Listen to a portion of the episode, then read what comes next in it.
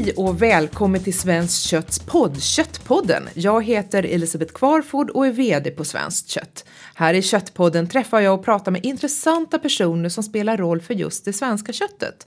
I det här avsnittet har vi med oss matdrottningen Kristina Möller, en legendar inom matkultur som påverkat svenska folkets vardagsmat mer än de flesta. Hon har varit ansvarig för Coops provkök i många år, kokboksförfattare och ledamot i ett antal tunga föreningar kopplat till mat. Inte minst engagerad i den trevliga Korvakademin som, och snart är det korvfestival. Hej och välkommen Kristina! Tack så mycket! Hur ser en vanlig dag ut för dig? Ja, det är mycket arbete. Jag hade ju tänkt att jag skulle gå i pension för många år sedan. Men det var inte tal om det. För arbetar man med mat och måltid, då har man alltid mycket arbete. Det är arbetslinjen som gäller för dig alltså? Absolut, och det är så roligt. Så att det är mycket möten under en dag, men det är också ganska mycket kalas, eller hur? Ja, det är bara galor och, och, och, glitter och glamour. ja, det är mycket sånt. det, det är kalas hela tiden. Ja. ja. När du tänker på svenskt kött, vad tänker du då? Då tänker jag på en eh, engagerad, kunskapsfylld organisation som eh, jag tycker når ut väldigt väl till konsumenterna. Och om du tänker just på det svenska köttet som ett livsmedel, hur går dina tankar då? Ja, jag tycker ju att en eh, välbalanserad måltid behöver innehålla kött. Vi behöver äta ett eh, härligt eh, kött, kanske inte så mycket. Köttet måste ha bra sällskap i form av rotfrukter och potatis och härliga grönsaker. Men jag tycker att köttet ska vara med i den välbalanserade måltiden. Mm. Mycket vitaminer och mineraler som man får på köpet. Absolut. Nu ska vi ju ha lite korvfokus här, så då undrar jag ju hur ofta äter du korv? Åh, oh, jag äter korv en till två gånger i veckan. Jag tycker det är så gott. Och sen är jag ju gift med en norrlänning och han är uppfödd på korv måste jag säga. Vilken är din korvfavorit? Jag tycker ju väldigt mycket om en god vinerkorv. Eller en prinskorv. Med en god äggröra. Åh, så gott. Kan man äta till frukost och brunch och till middag. Passar alltid. Där är det ju lite speciellt det här att vi har det, det syrliga. Jag har en, en vän från, från USA. Hennes såna här wieners, de smakar ju ingenting tycker jag. För att det inte den här syran finns i. Medan hon tycker att våran wienerkorv och prinskorv smakar jättekonstigt. Ja, jo jag har upplevt det också. Men jag tycker att eh, wienerkorven är Åh, det är så underbart. Jag kan drömma om wienerkorv. Ja, ja, det är riktigt härligt. Jag åt det i helgen. Eh, supersmaskigt. Eh, men om du skulle äta en maträtt med kött i resten av ditt liv, vilken skulle det bli då? Då skulle jag nog äta ett riktigt gott dillkött. Mm. Därför att man kan göra det ju både på kalv och lamm. Och jag tycker den är så typiskt svensk också, svensk med den här sötsyrliga såsen. Och sen god potatis och fantastiska morötter till. Åh, jag, jag älskar det. Jag tycker det är så härligt. Det är en del som tycker att det är svårt att få till ett bra dillkött och framförallt liksom balansen i den här såsen. Har du något tips där? Ja, alltså, jag, jag håller helt med om det därför att jag undervisar ganska mycket inom äldrevården och uh, våra nya svenskar de kommer in och så ska de göra dillkött eller bruna bönor eller något sådant. Och de har så svårt med den här balansen, de förstår inte hur det är. Och jag lagar upp maten och vi smakar på den, men de har jätte, jättesvårt. Jag tror att det är att man måste smaka. Man måste känna igen smakerna och riktigt vara noga med den här balansen. Mm. Så att jag tycker att, att smaka, det måste man göra för att lyckas i den här rätten.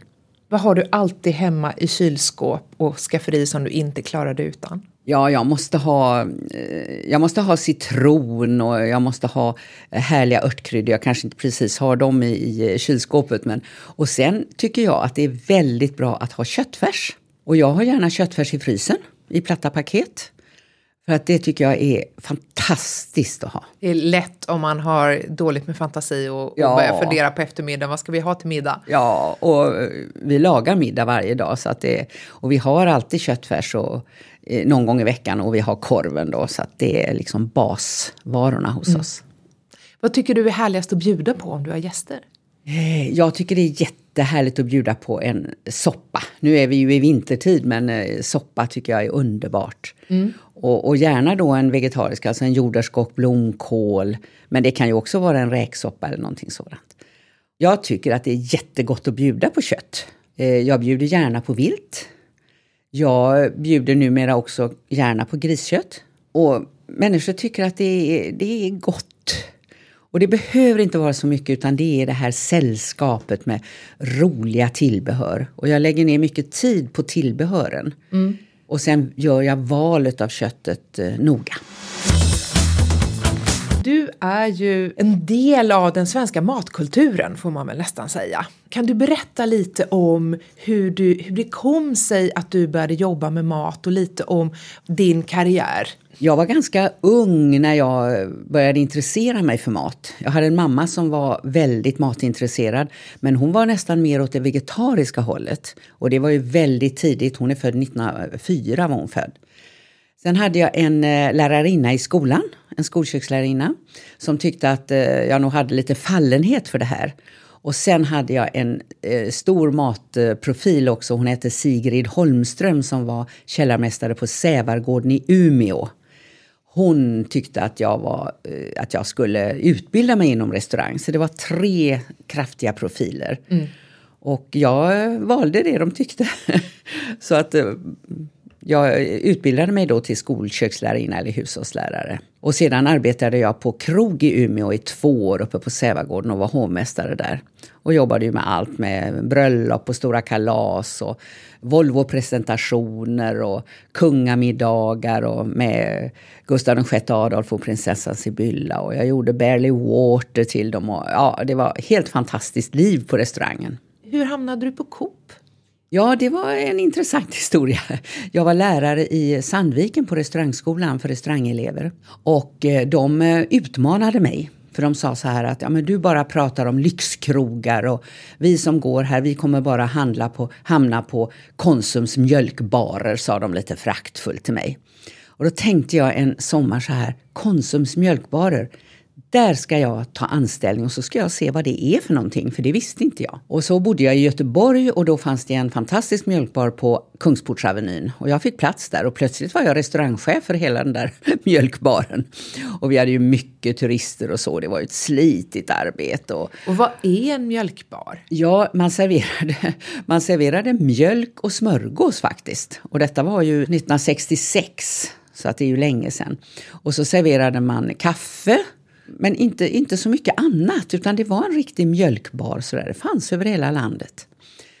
Och när jag var i, Umeå, eller i Göteborg på mjölkbaren så kom man ifrån konsumentföreningen, alltså Konsum i Göteborg och frågade om jag ville ha en tjänst där.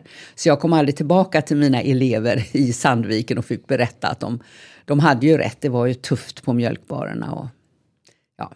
Men sen kom jag in på konsumentföreningen i Göteborg och där blev jag säljledare och det betydde att jag gjorde alla annonser och allting för alla Konsumbutikerna. Och jag fick också alla presskontakter. Och alla presskontakter, det var egentligen bara Göteborgs-Posten. Men där fick jag väldigt god kontakt med en journalist. Och eh, äntligen började man skriva om Konsum i Göteborgs-Posten och det var stor succé. Mm. Och där var jag kvar i tio år. Jag slutade som marknadschef och hade en ganska stor stab under mig. Och vi jobbade ju med all marknadsföring och reklam och allt möjligt sådant. Så det var en spännande tid. Men eh, 1980 så kom han ifrån eh, KF i Stockholm och erbjöd mig arbetet som chef för KFs provkök. Och det var ju helt fantastiskt för att det var ju en legendarisk chef som hade varit där i många år, sedan 1946. Och detta var 1980. Och hon skulle gå i pension. Och då erbjöds jag arbetet. Och det är klart, jag bodde i Göteborg med min familj och så, men min man och jag kom överens om att jag skulle ta det här arbetet. Det är också Konsumentföreningen som ansvarar för utgivandet av vår kokbok, eller Just hur? det, precis. Så det blev också ditt ansvar då? Det blev mitt ansvar. Och första Vår kokbok kom 1951 och jag kom ju 1980. Och sen ansvarade jag och var huvudredaktör för Vår kokbok i 13 upplagor. Oj, när det handlar om vår kokbok så är det ju den maten man lagar hemma. Absolut. Hur har den utvecklats från 1980 till idag? Jag kan ju säga att eh, hur den har utvecklats sedan eh, 40-talet. För att då var det ju steken på söndagen som var det absolut viktigaste. I samband med, med eh, steken så var provköket som startade 1946 så var de väldigt eh, fundersamma. Därför att när man skrev recept eh, till eh, små blad som man gav ut i konsumbutikerna, vår kokbok hade ju inte kommit riktigt ännu, så eh, skrev man hur man skulle steka en stek i ugn. Och då var det så att det här med exaktheter och så, det var inte alls eh, någonting som var vanligt utan när man eh, satte in steken i ugnen och tog ut den, då tog man en stor gaffel. Och så satte man gaffeln i steken och så tryckte man på båda sidor och så såg man hur köttsaften såg ut. Mm. Och var köttsaften genomskinlig, ja då var den helt genomstekt. Och var den rosa eller röd, då visste man på ett ungefär om den var medium eller rare eller så. Så det var bara ungefär. Men sen reste min företrädare Anna-Britt Angsäter till USA på en stor studieresa. Och där arbetade hon sedan i en familj.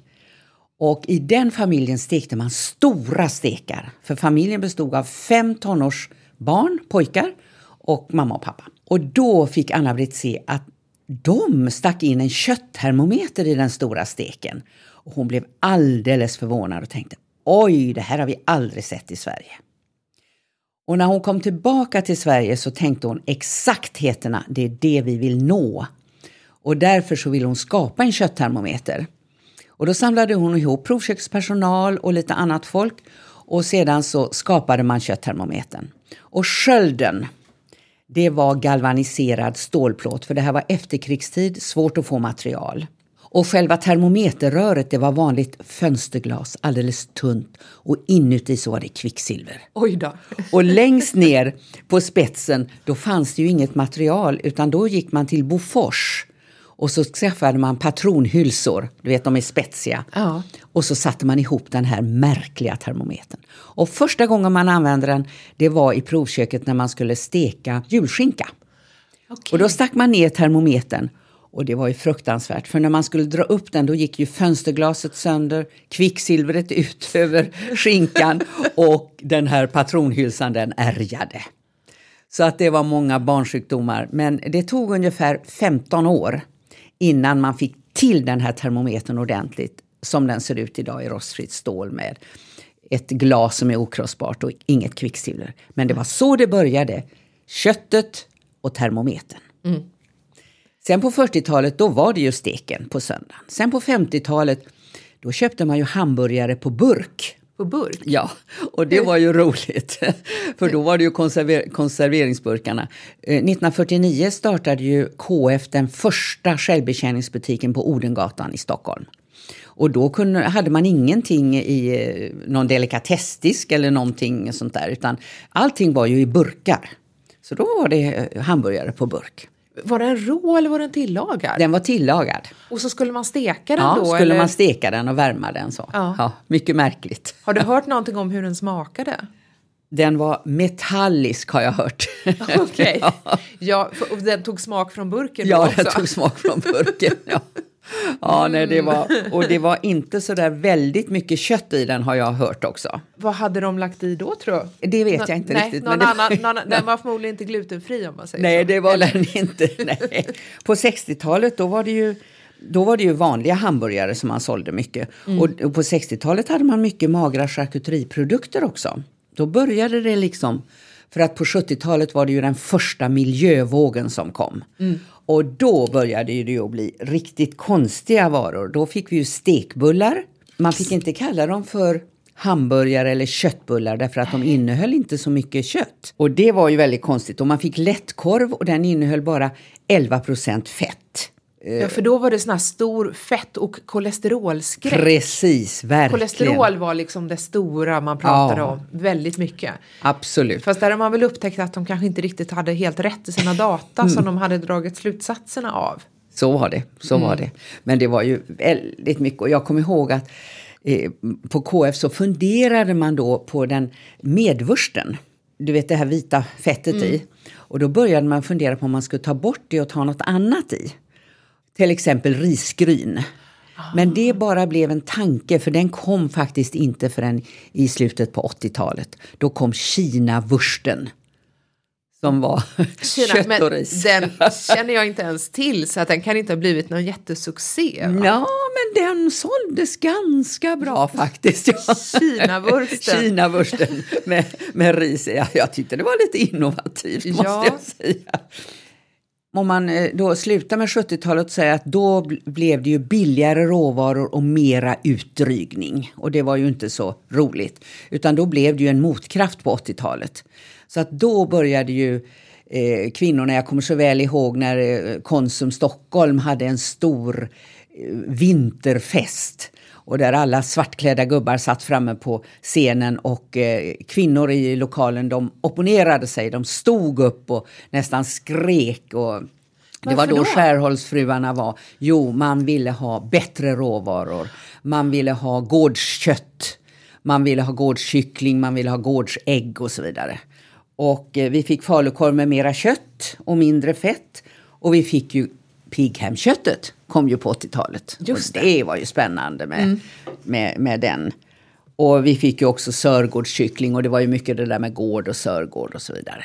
Och 80-talet var ju också ett eh, årtionde där vi fick mera i pengar i portmonnän och vi började resa och vi åkte längre charterresor. Vi började lite på 60-talet med Mallorca och Medelhavsländerna men på 80-talet reste vi långt. Mm. Och då ville vi äta det vi mötte utomlands hemma också. Och Santa Maria kom på att det fanns något som hette tacos. Absolut. Absolut.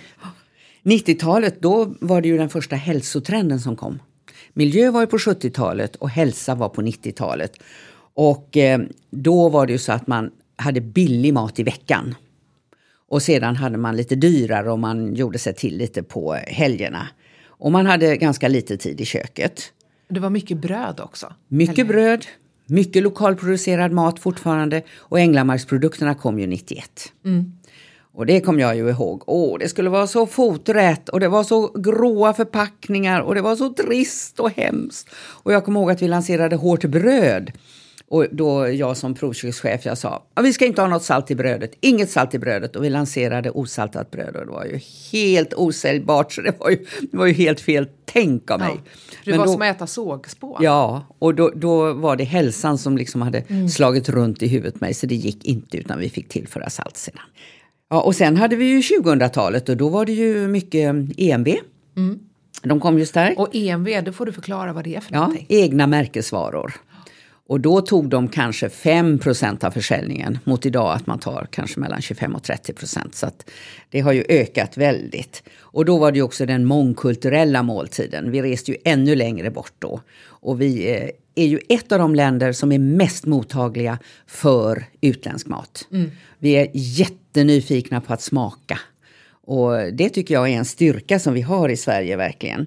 Vi fick ju mycket salladsblandningar som vi hade till kött och korv. Och vi hade eh, väldigt mycket eh, bönor på burk och så vidare. Förr var ju bönor ett stort projekt när man skulle blötlägga och så vidare. Så det var ju verkligen fantastiskt att få bönorna på burk.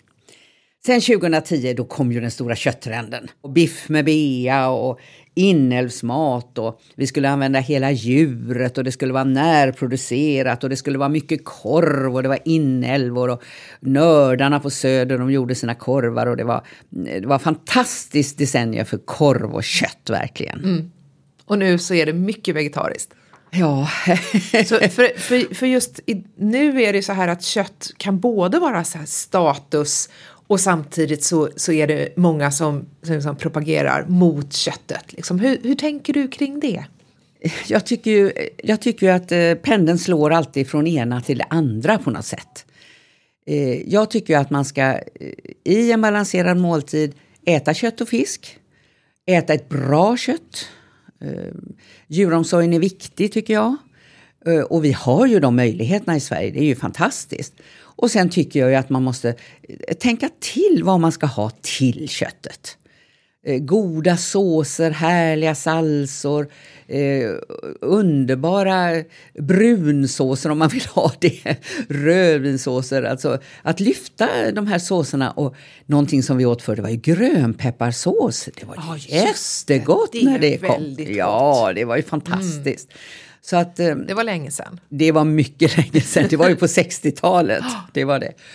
Men eh, så att man, man eh, månar om det här att servera välbalanserade måltider och framför allt måste det vara gott.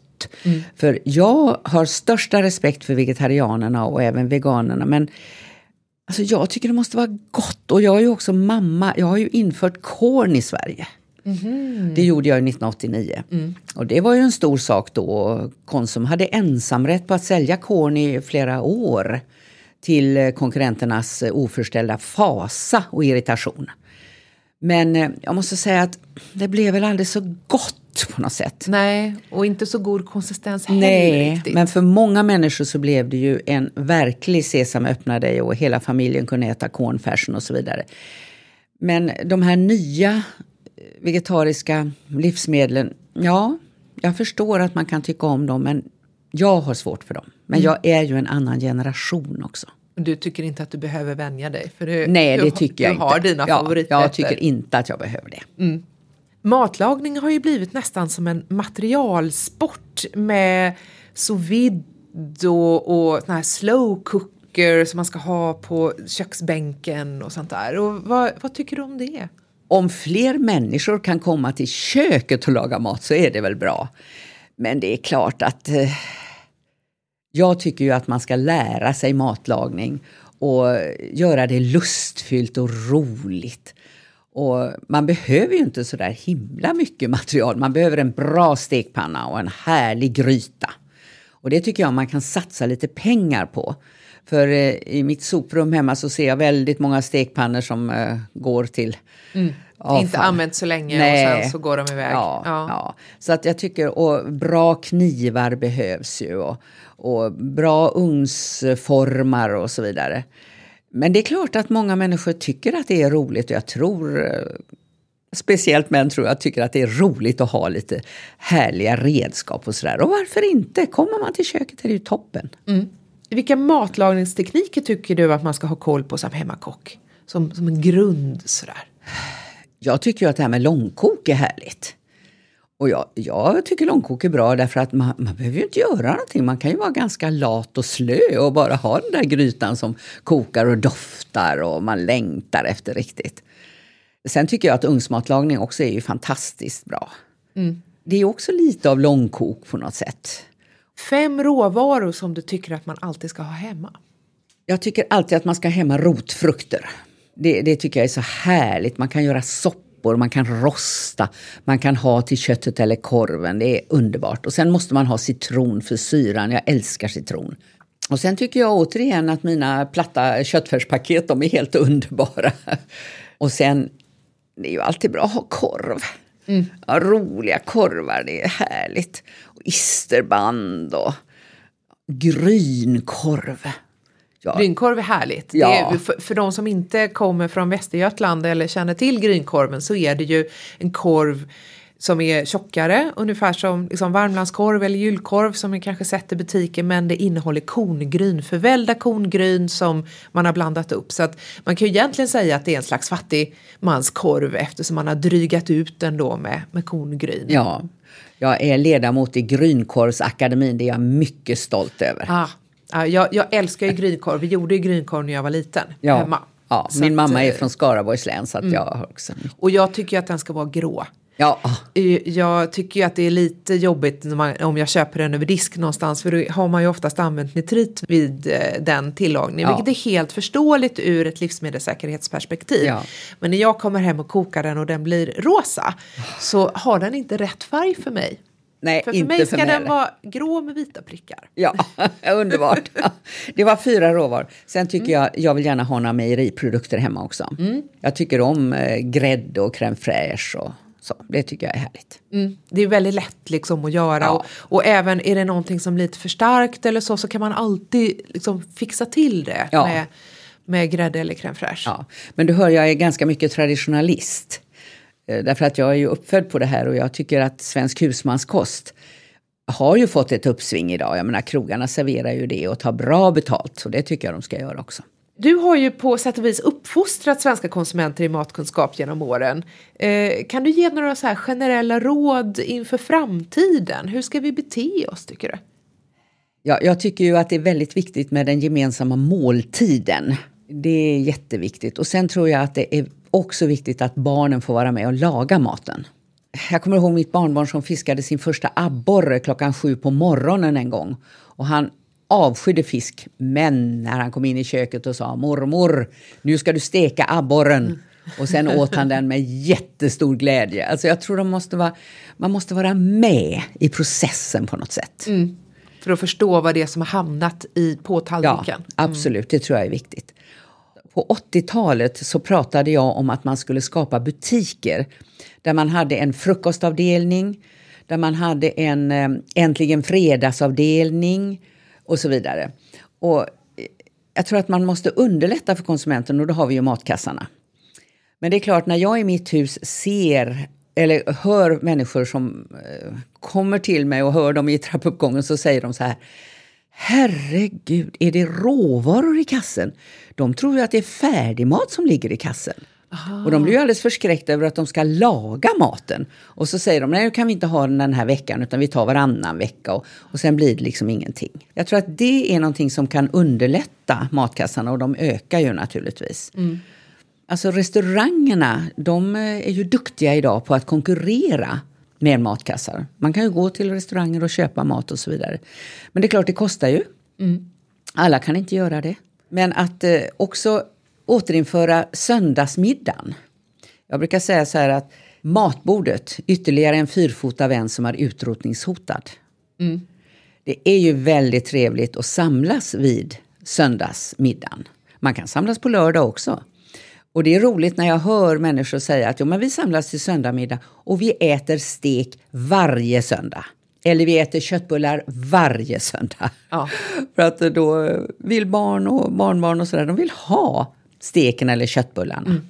Och då blir man ju faktiskt också väldigt bra på den rätten. Just För det. ganska mycket nu är ju också att man lagar en rätt en gång eller två gånger eller så, och sen så ska det vara något nytt. Ja. Eh, och då blir man ju aldrig riktigt, riktigt bra.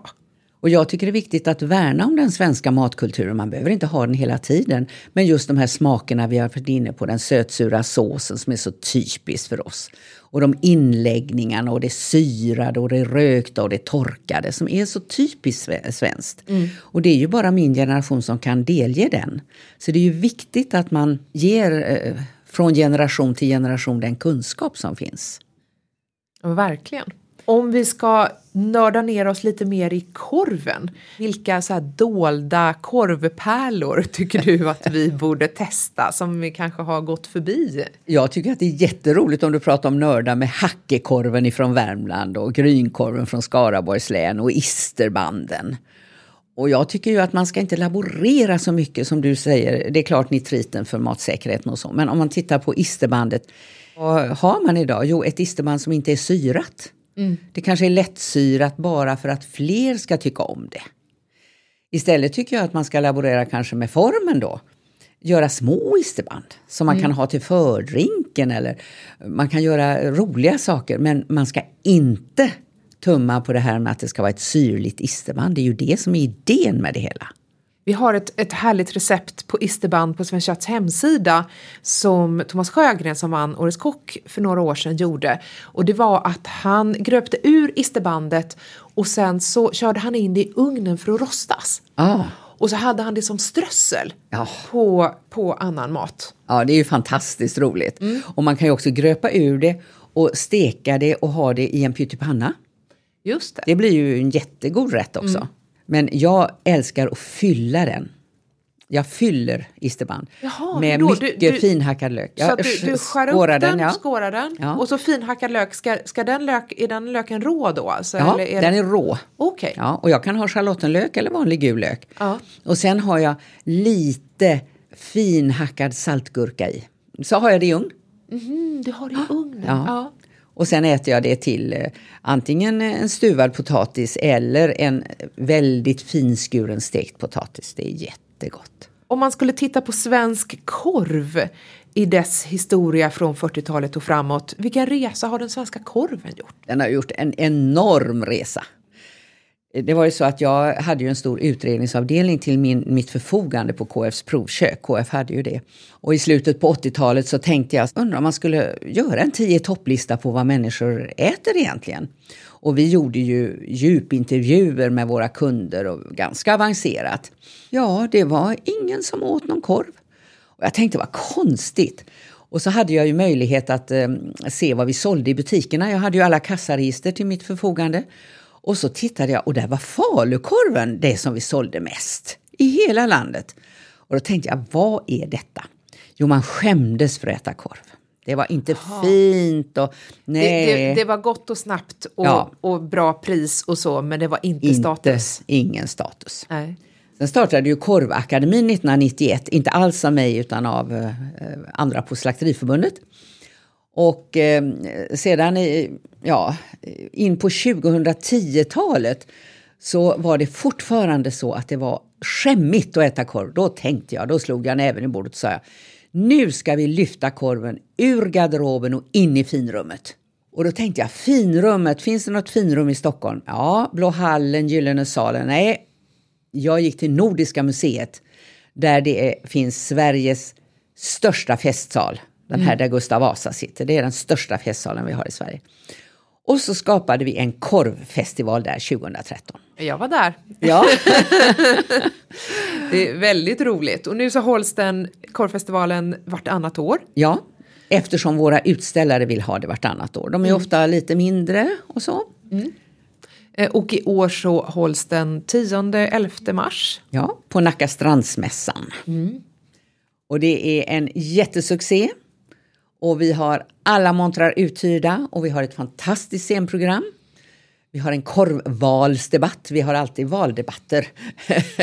när vi, ehm, när ska det är få höra vad, vad, politikerna, hur politikerna spår framtiden i korv. Ja, och eh, förra året, så, eller förra gången, då var Annie Lööf och Peter Eriksson där. Och det är klart att de pratade kanske inte så mycket om korv, men de pratade om eh, småföretagande och eh, lite sådant. Mm. Så det, det, var jätteintressant. Mm. Och nu kommer Anna Maria Corazza Bildt och, och någon till och ska prata. Hon pratar säkert om korv. Hur tycker du att svenska korvar står sig i jämförelse med utländska korvar? Ja, vi pratade om resan förut och jag tycker att svenska korvar har blivit fantastiskt mycket bättre än vad de har varit. Absolut.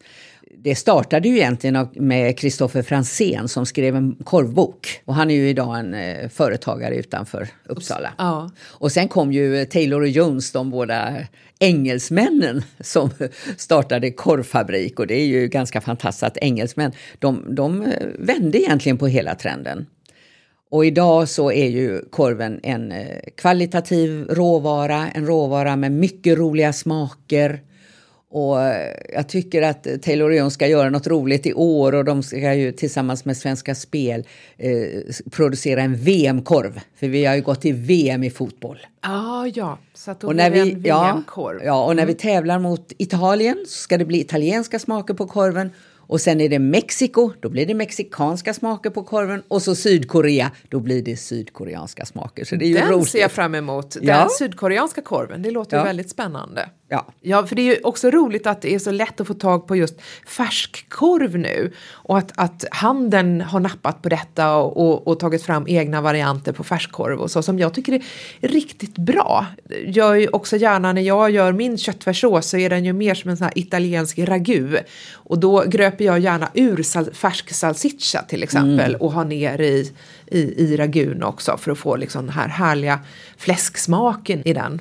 Ja, korven kan man ju använda till så mycket. Ja, det är det och, som är så spännande. Ja, och, och handeln, de har ju egna EMV-produkter ju. Mm. Och eh, ja, jag, jag, tycker att det har blivit så mycket bättre och jag hoppas att vi i Korvakademin har kunnat bidra till det och även att korvfestivalerna har bidragit. Mm. Och vi, vi har ju både de stora utställarna och de små. Och vi tycker ibland att de små utställarna har inte så stora finansiella muskler så vi har ett hantverkstorg där de får hyra in sig till en mindre penning och sen får de all sin, ägna all sin kraft åt konsumenten och mötet med konsumenten så ordnar det vi det praktiska. Jättebra. Ja, det låter ju de är så glada bra. över det. Mm. Så då kommer korvfabrikanter från Hälsingland och små från Stockholm och från Skåne och sådär. Ja, jag kommer att vara där. Vi kommer att ha ett korvhjul. Åh, vad kul! Med, med, eh, så att besökarna får snurra på ja. sånt där lyckohjul och så har man möjlighet att, att vinna presentcheckar. Oj, med vad roligt. korv. Ja, och där ska man också få korvhistorik. Mm. För Rickard Tellström från Historieätarna, han kommer att, eh, tre gånger kommer han att prata om historiken. Var korven kommer ifrån och vad korven har för historia och sådär. Så det tror jag, och det ingår i entrébiljetten så att det tror jag blir populärt. Otroligt spännande. Om det är så att man vill göra korv hemma, vilket knep har du för den som tycker att det är, att det är jobbigt att komma igång? Måste man ha en maskin och sådär? Jag tycker först att man ska gå en liten korvskola. Okej, okay, man ska gå en kurs? Ja, jag tycker det. Ja. Jag tycker man ska gå en kurs så mm. man eh, får reda på djurslagen som lämpar sig. För att många gör till exempel viltkorvar, de blir så torra och gryniga så det går inte att äta dem. Man och behöver mer fett. Ja, och sen behöver man tycker jag en bra kokbok. Och det finns bra kokböcker. Och sedan så mm, man behöver ju inte en korvspruta, och, men ofta har man ju en matberedare hemma som man kan använda. Mm. Och fjälster det finns ju numera. Förr fanns det ju bara till jul fjälster men idag finns ju fjälster hela året runt. Ja och man kan oftast beställa på, på internet om, ja, man, om man söker på fjälster. Ja. Så finns det att man ja. kan Och sen beställa. tycker jag man ska vara ett litet lag. För det är väldigt mm, trevligt. Att man, gör det till, man samlas ja. och gör det tillsammans. Ja, precis som man stöper ljus till jul och, och, idag brygger ju folk öl och de gör allt möjligt och bakar surdegsbröd och sådär. Jag tycker mm. man ska gå ihop och, och göra korv. Och det var så här att på korvfestivalen för två år sedan så hade vi en korvskola för barn. Och då blev de vuxna lite irriterade och kom fram till mig och sa varför är det bara barnen som får göra korv? Vi vill göra korv! Så i år ska Taylor och Jones ha en stor korvskola hel, äh, hela dagarna. Wow, att, ja. vad roligt. Och då får man med sig två till två och en halv kilo korv hem. Mm. Så det kan ju vara en inkörsport också. Ja, men verkligen. Hur tycker du att man ska laga till en korv för att den ska bli som bäst? Jag tycker inte man ska ha för bråttom. Eh, för att har man det här fjällstret ska man vara rädd om fjällstret. Ja, jag tycker ju att man, man steker korven jättefint. Men jag kommer ihåg eh, den första korvrätt jag åt med min mamma, eftersom hon var nästan vegetarian. Så var det rotfrukter och så var det en fantastisk buljong som rotfrukterna kokades i. Helt underbar buljong. Och sen la hon fläskkorv, som ju var vanligt då, eller köttkorv, i eh, skivor ovanpå rotfrukterna och kokade lätt och sen drösade hon över grön härlig persilja på. Det var den första korvgrytan jag åt och det mm. var jättegott. Men det berodde mycket på buljongen och på den goda korven. Och när man ska äta varmkorv då ska inte vattnet koka? Nej, då ska inte. För då spricker den? Ja, det gör den. Och gärna koka med lite lagerblad och kryddpeppar och, och lite lök och göra mm. lite av den. Inte bara... Och salt. Ja, just Också. det. Salt är viktigt. För att annars är det också lätt att den spricker för att då tar den åt sig för mycket vatten, ja. korven. Ja. Och, så, och så kan skinnet spricka. Och det är inte roligt tycker jag. Nej, och jag tycker inte man ska köpa de här korvarna som eh, är anpassade till, till barn. För jag tycker man ska ge barn kvalitativa korvar. De tycker om korvar. Mm. Sen går det ju att grilla naturligtvis allting. Och folk grillar ju dygnet, året runt. dygnet runt. året om. Men, eh, och det är ju också utmärkt. Mm. Det går ju jättebra. Och med de här nya korvarna och så. När korv kan kokas, stekas, grillas. Mm. Och ätas råa. Just det. Men just färsk korv ska ja, man inte äta rå. Nej, det går inte. Idag har vi fått lära oss att eh, den första kötttermometern i Sverige gjordes med en patronhylsa.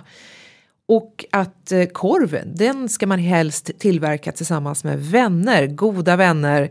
Vi får inte tappa bort söndagsmiddagen. Det är en bra påminnelse till mig som gärna kan vara lite slö på söndagar. Men jag ska minsann ta tag i den där söndagsmiddagen.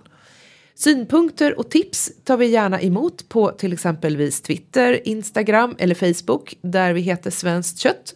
Tyckte du om Köttpodden så sätt gärna ett betyg eller skriv en recension på iTunes eller där du hittade oss. Vi hörs snart igen.